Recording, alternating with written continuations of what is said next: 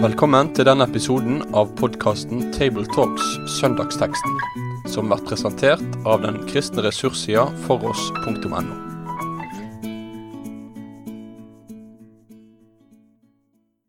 Da er det en glede å igjen ønske velkommen til en ny Table Talks-episode fra oss her i Bergen. Rundt bordet sitter Rolf eh, Kjøde, som nå òg er fungerende personalsjef ved NLA høgskole, i tillegg til å være leder for strategisk utvikling, heter det vel. Jon Magne Sønstadbø er stadig prest i Delk. Mitt navn er Tarjei Gilje, og jeg er redaktør i Dagen. Vi skal snakke om teksten for 25. søndag i treenighetstiden. Prekenteksten står i Matteusevangeliets kapittel 14, vers 22 til 34, og Rolf leser. Straks etter fikk Jesus læresveinene til å gå i båten og fare føre over til andre sida, medan han tok farvel med folket.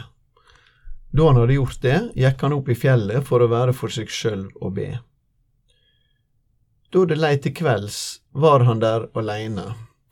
Båten var alt langt fra land og stridde hardt i bølgene, for vinden bar imot. Men i den fjerde nattevakta kom han gående mot dei på sjøen.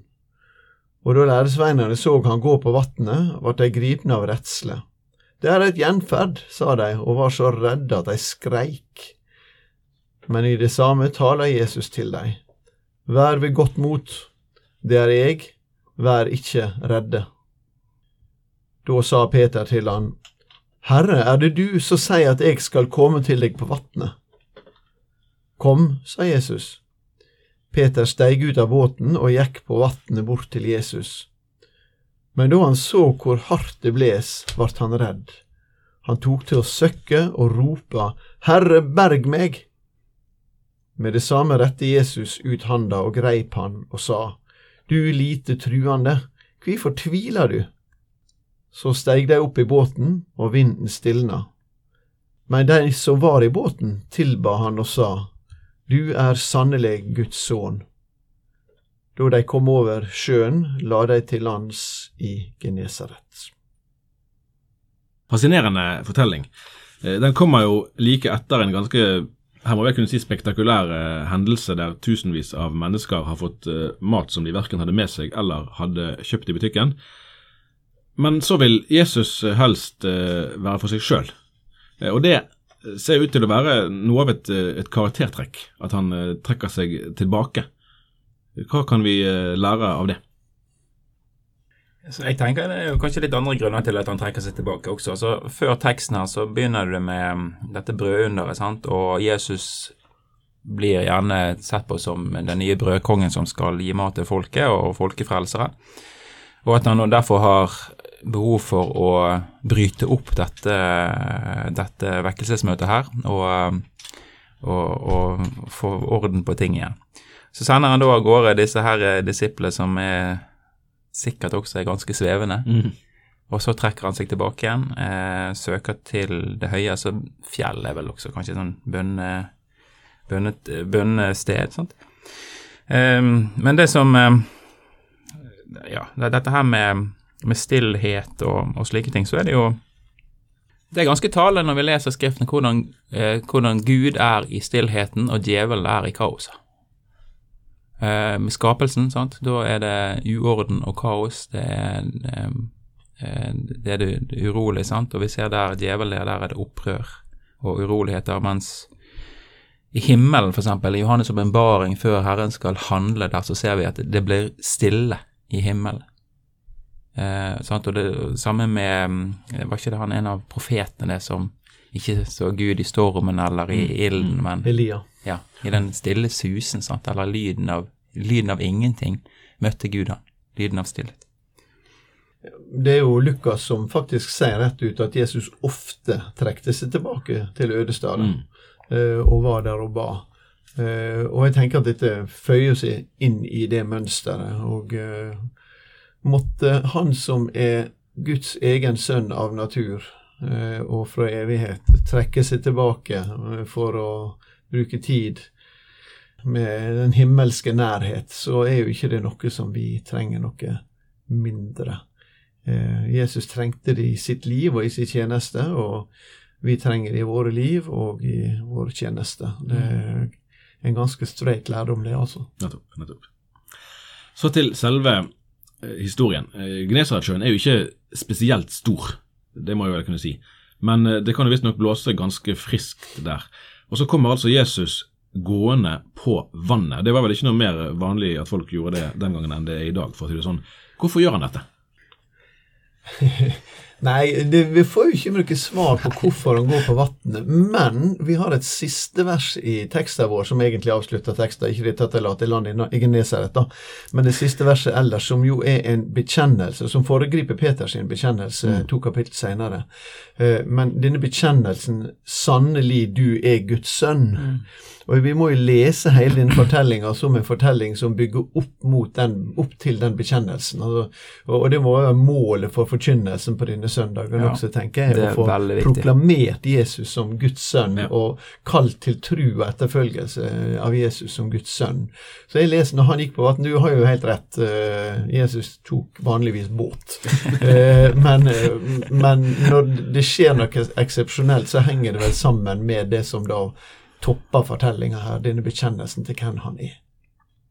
Hmm. Jeg tenker jo det at eh, Jesus kommer gående eh, på det som er problemet. Og Det er kanskje et sånt bilde, bilde, i det også, det at nettopp han vandrer opp på det som ser ut til å skape det store problemet for disiplene. Og så De trenger hjelp, så da det er ikke så mange andre måter for han å komme dit. Mm. Så, men det er godt det der med at uh, kanskje han var litt lat uh, til vanlig og tok båten, så.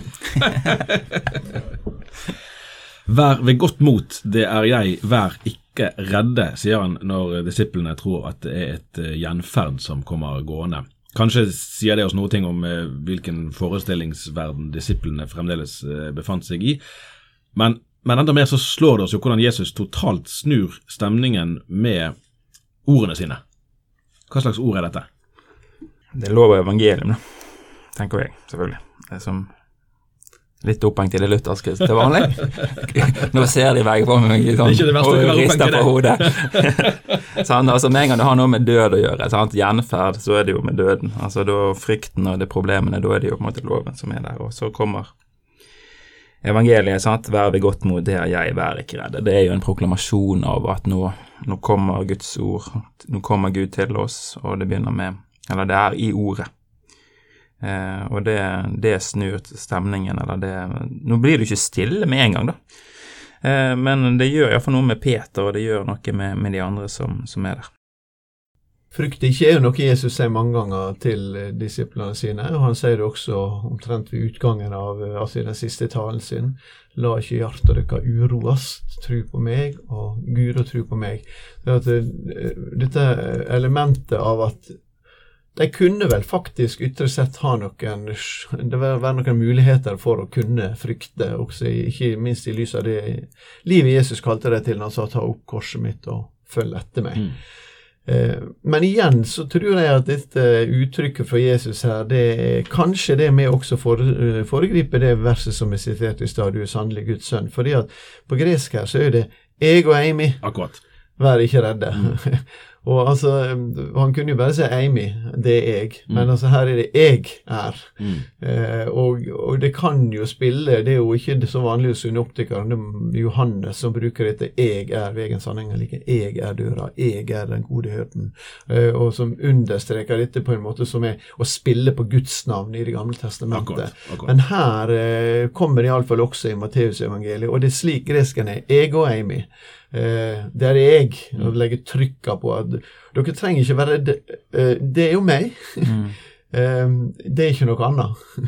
det der eh, lærte jeg, husker jeg av Gunnar Jonstad når jeg studerte på NLA, at her, her er det jo sånn oversettelsesdilemma at vi ser bare 'det er jeg', altså vanlig mm. norsk, mm. eh, mens disiplene hørte det spesielle uttrykket, som betydde mye mer enn bare at hvem som helst av oss skulle si at eh, det er meg. det. Mm. Ja, altså det er jo sikkert det er oversatt fra aramaisk, dette her som Jesus talte, men, eh, men slik som det står her, så spiller det iallfall på det store gudsnavnet. Nettopp. Så kommer vi til eh, Peters frimodighet. De andre disiplene ser Jesus fra båten og ser ut til å nøye seg med det, men Peter han vil eh, noe mer. Er det utforska, trang, nysgjerrighet? Hva er det vi ser? han er jo en, han er jo en, eh, en som eh, tar utfordringer ofte, da, og, eh, og skaper noen utfordringer, må man kunne si om han. Uh, han er jo en mann som uh, han viser jo på en måte en tillit, på tross av det Jesus sier til han etterpå her, da, så, og det får vi komme tilbake til. Så er jo han likevel den som noen ganger viser tillit til Jesus. Ja, men det er du, da kan jeg vel bare hive meg utpå. Og, eh, så det ligger jo en slags begeistring i det, det ligger en slags impulsivitet i det, kanskje, hvis en skal tenke mennesketype. Vi, vi, psykologiserer av og til litt for mye ut fra de få tingene vi leser, men, men, men, men, det kan godt hende han hadde en grad av impuls over seg. Uh, men så hadde han også en, en begeistring på at nei, det er Jesus, men da er jo alt mulig. Mm. Jeg, jeg, må si det, når jeg leste, leste gjennom teksten de siste dagene og tenkte så, liksom er det en utfordrende Jesus? Altså, er det, stiller han spørsmål her? Altså, skal han prøver han den, om det er virkelig Jesus, eller om det er et gjenferd som har kledd seg ut som han som kommer? altså. Um, sant? Og da vil han jo raskt finne ut av om det var Guds sønn eller ikke, når han da skulle begynne å, å gå på vannet. Men ja, jeg, det, ligger, det ligger mye dybder i dette her som gir oss eh, gode muligheter til, som forkynnere til å ja, utforske teksten. Nettopp. Jeg fikk et nytt møte med denne teksten for eh, et år eller to siden da jeg var og talte på et bedehus på Austevoll, altså en øy, øygruppe utenfor eh, Bergen. Eh, og Da var bildet på, på alterveggen, eller frontveggen, viste Jesus som drar Peter opp av vannet, sånn som teksten etter hvert forteller oss. Og Det var jo kjent, men det som ble en liten aha-opplevelse for meg da, det var rett og slett at Jesus sto jo faktisk på vannet når han, når han dro Peter opp. Og sånn sett kan du si, Hvis du bare ser med det blotte øyet, sant, at du er i vannet, du blir reddet opp av vannet, men du er fremdeles eh, i sjøen. Du er ikke i båten ennå, så risikoen er ikke på en måte opp, ute, selv om du umiddelbart er blitt, er blitt reddet. Eh, og Så slo det meg ikke dette er et godt bilde på frelsen, det på at eh, vi er prisgitt Jesu evne til å frelse oss. At Peter har kommet seg opp av vannet, eller opp på vannet, men han måtte jo før eller siden komme seg ut av vannet òg. Ja, jeg tenker at uh, det denne fortellingen her viser oss om, det, det, er også den himmelske logikk, hvis jeg skal bruke et slikt ord. At vi har jo disse lovene som fungerer på, på, jord, på jorden, sant? men så har vi også denne, det som er det himmelske som Jesus taler om til Nikodemus i Johannes 3. Som det at det himmelske er ikke bundet av jordiske, den jordiske logikk. Og det er nettopp det som er frelsen. Det gir ingen mening sett ifra noe menneskelig. Det skal ikke gå an at mennesket skal kunne frelses av Gud. Det skal ikke gå an at Gud skal kunne dø for å gi, gi frelse til mennesket. Altså, det, det, er altså det, det, det er det, det umulige som, som, skjer, og det er det som skjer her når, når Peter går på vannet.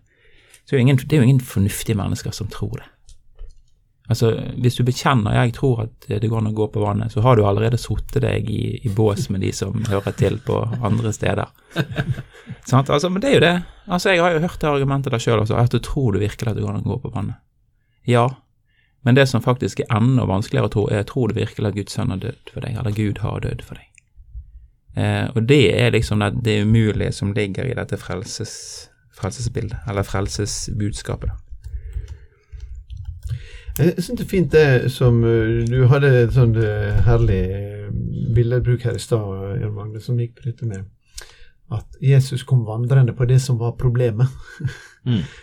Nemlig det, stormfulle havet. Eller hav, det er jo ikke et hav. Det er jo et, ja, det er havet. en liten innskyld, vi har jo vært der. Men altså, den, den stormfulle sjøen, da. og han kommer gående på problemet. Og jeg, og jeg tenker Knytta til det spørsmålet du stiller her nå, Tarjei, så er det, er det kanskje litt uh, det også her at Peter uh, altså Hvis du vil holde fast i den symbolikken, da, så, så synker Peter ned i det som er problemet. Og det er jo mm, det som er mm. vår Det er det vi naturlig vil gjøre. Mm. Vi vil synke ned i det som er problemet vårt. Mm. Eh, og, og, det er bunnløst. Han er ikke bunnløs helt kinesere, skjønner, men er iallfall uh, djup nok til at det kan gå galt med livet vårt. Ja, eh, og, og, og det, vi vil synke ned i det. Og da er jo det fantastisk å ha nettopp eh, denne symbolikken i det, da, og, også ha denne vissheten om at han er der og bærer, han er der og løfter, han er der og berger i i det som stormer, i det som vi kan synke ned i. Og det er jo også litt av eh, altså Det er jo et par andre tekster til denne søndagen også, og det er jo påfallende likt eh, det som står i Salme 107. Uh, som er altså en lestekster. Noen for ut på hav med skip og drev handel, og så går det videre. Men der, der liksom, noen kom i nød, og de ropa til Herren i sin nød, og han førte dem ut av trengslene. Altså det er sjøfolket, og det, det er de um, kreftene som sjøen har, da. Uh, og som du også mange var inne på i stad, med disse her er kaoskreftene som vi mm. leser om allerede i, i første Mosebok, det første kapitlet. Uh, så det er jo det, og det, dette er vel kanskje den mest folkelige bruken også av hele, ja. av hele denne her uh, fortellinga her. At Jesus er den som kommer til oss i livet sine stormer. Og det er Peter, nei, Paulus i brevtekster for en dag, andre Korinterbrev. Det står ikke så mye om sjø, men det står jo mye om hvor han var ute i, i stormer mm. i livet sitt som mm. etterfølger av Jesus Kristus. Og men hvor sterkt han også det vitner om at men han har jo alltid holdt fast. altså Han har alltid vært der. jeg mm. Alltid kunne stole på han. Ja. Og hva med Jonah, da? Mm. Ja. Kast meg på havet så jeg blir kvitt Gud, liksom, så jeg kan komme vekk fra han. Og så bare sender Gud eh, en fisk og, og, berger han mot hans vilje. Det er jo en fantastisk eh, historie. ja, det må du kunne si. Eh, så kommer vi til en side ved Jesus som vi kanskje ikke betoner så ofte i dag når han sier 'du lite troende, hvorfor tvilte du'? Eh, de fleste av oss kan vel på mange måter ha en viss forståelse for at både Peter og de andre kunne tvile i en, en sånn her uh, situasjon. De, som sagt, det var vel ikke mer vanlig at folk gikk på vannet da enn det er, enn det er nå. Eh, og Jesus avkrefter vel for så vidt kanskje bildet av, av ham som en litt sånn snill og, harmløs fyr. For det, det, å, det å utfordre eh, menneskers tvil såpass direkte, det er jo ikke mange predikanter som tør å gjøre i dag. Eh, ja, hvis du forkynner eh, første bud, da får du frem eh, menneskets tvil. Mm. For da kan du peke på eh, hvorfor bekymrer du deg. Eh, og det er mye det samme av det som, som Peter her, her gjør. Hvorfor ser du på det andre? Hvorfor bekymrer du deg for det andre? Og det forteller oss noe om hva mennesket er, innkrøkt i seg sjøl. Altså, vi er, liksom, ser ikke det som er utenfor det. Og det er derfor at frelsen må være slik som det er her, at Jesus er den som, som strekker ut armen og griper tak i oss. Slik som Martin Luther skriver i forklaringen til, til tredje trosartikkel. Altså, jeg tror at jeg ikke kan tro. Det er på en måte menneskets bekjennelse, men at Den hellige ånd sant, har kalt meg ved evangeliet. Og at det det, det, det, her er bare sånn avsløringer, ikke av Peters lille tro, men av alles, alles lille mm, tro. Og, ja. Spørsmålet hvor var Peters fokusmuligheter her? Uh, og han, uh, han, han, han, går jo ut av båten med uh, et fokus på Jesus. Så det er jo det er jo derfor han gjør det han gjør. Som vi snakker om her, så vil han utfordre Jesus. I alle fall så er det, det er Jesus han retter sitt spørsmål mot. Kan jeg komme til det? Og Jesus sier ja. Og da, har han, har han fokuset sitt rettet mot Jesus, og sin tillit rettet mot Jesus, må vi jo egentlig da si. Mm. Eh, men vi har jo to, et par andre, minst et par andre fokusmuligheter. Det ene er det du nevner, Jan Magne, som har med Vi er innkrøkt i oss sjøl, og vi ser inn i oss sjøl. Og det er jo for så vidt en del av tidens religiøsitet, at en skal finne svara inn i seg sjøl. Mm. Uh, og som er en rimelig, uh, rimelig dømt til å mislykkes. Uh, men du har også muligheten, som han sikkert gjorde her, å se på det som var rundt han, på, på det som storma, på det som kunne sluke han kan du på en måte ikke anklage ham for det, da, eh, men det, det ville kanskje jeg også ha gjort. Eh, men det Jesus utfordrer ham til her, det er hvem er sterkest da, Peter? Er det jeg, eller er det de kreftene som omgir deg? Mm.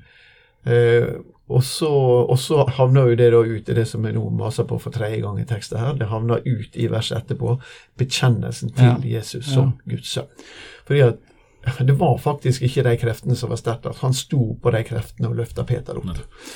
Eh, det er ganske, ganske sterke billedbruk. Ja, det, og dette er poenget med hele teksten, og det må alle som skal forkynne denne teksten. Det handler ikke om å liksom ta steg i tro og vise det.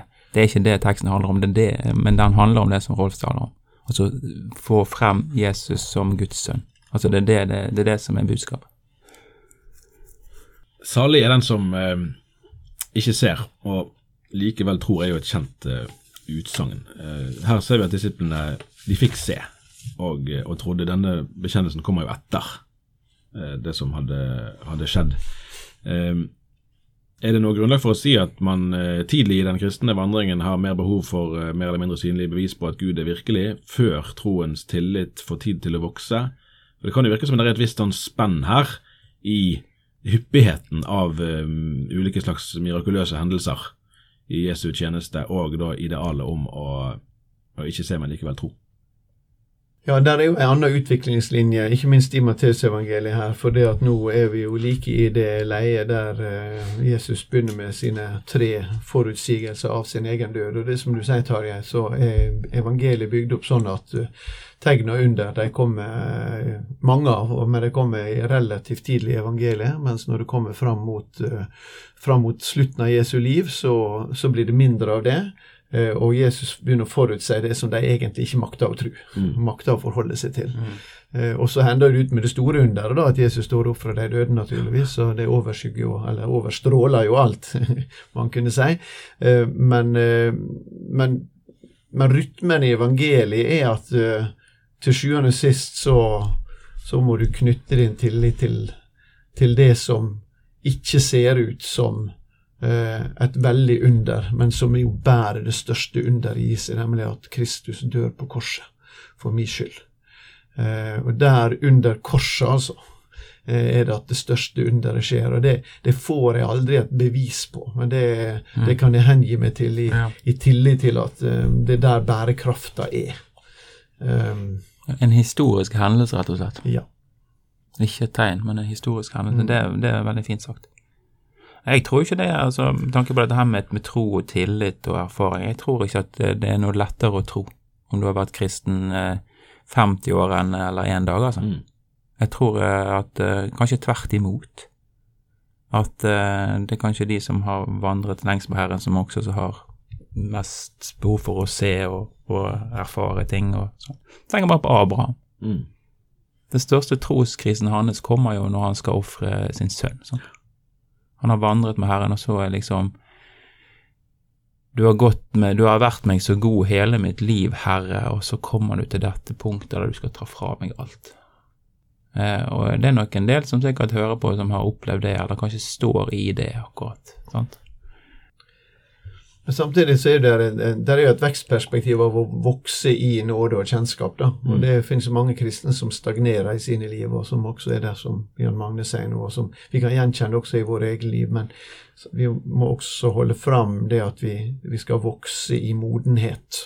Et kall til å vokse, og at det å vokse i, en, i tillit til Jesus Kristus, det er det i grunnen det handler om.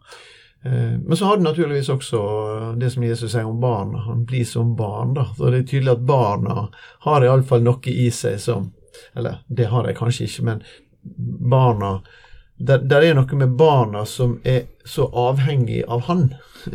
altså barn, Jo mindre du er, ja. og jo mer hjelpeløs du er, jo mer avhengig er du. og Det er vel det som er egentlig den er kvaliteten i anførselstegn da, mm. som Jesus henviser ja, til når han snakker om barna. Det er døperen Johannes også sant. Ja. Han skal vokse, jeg skal avta.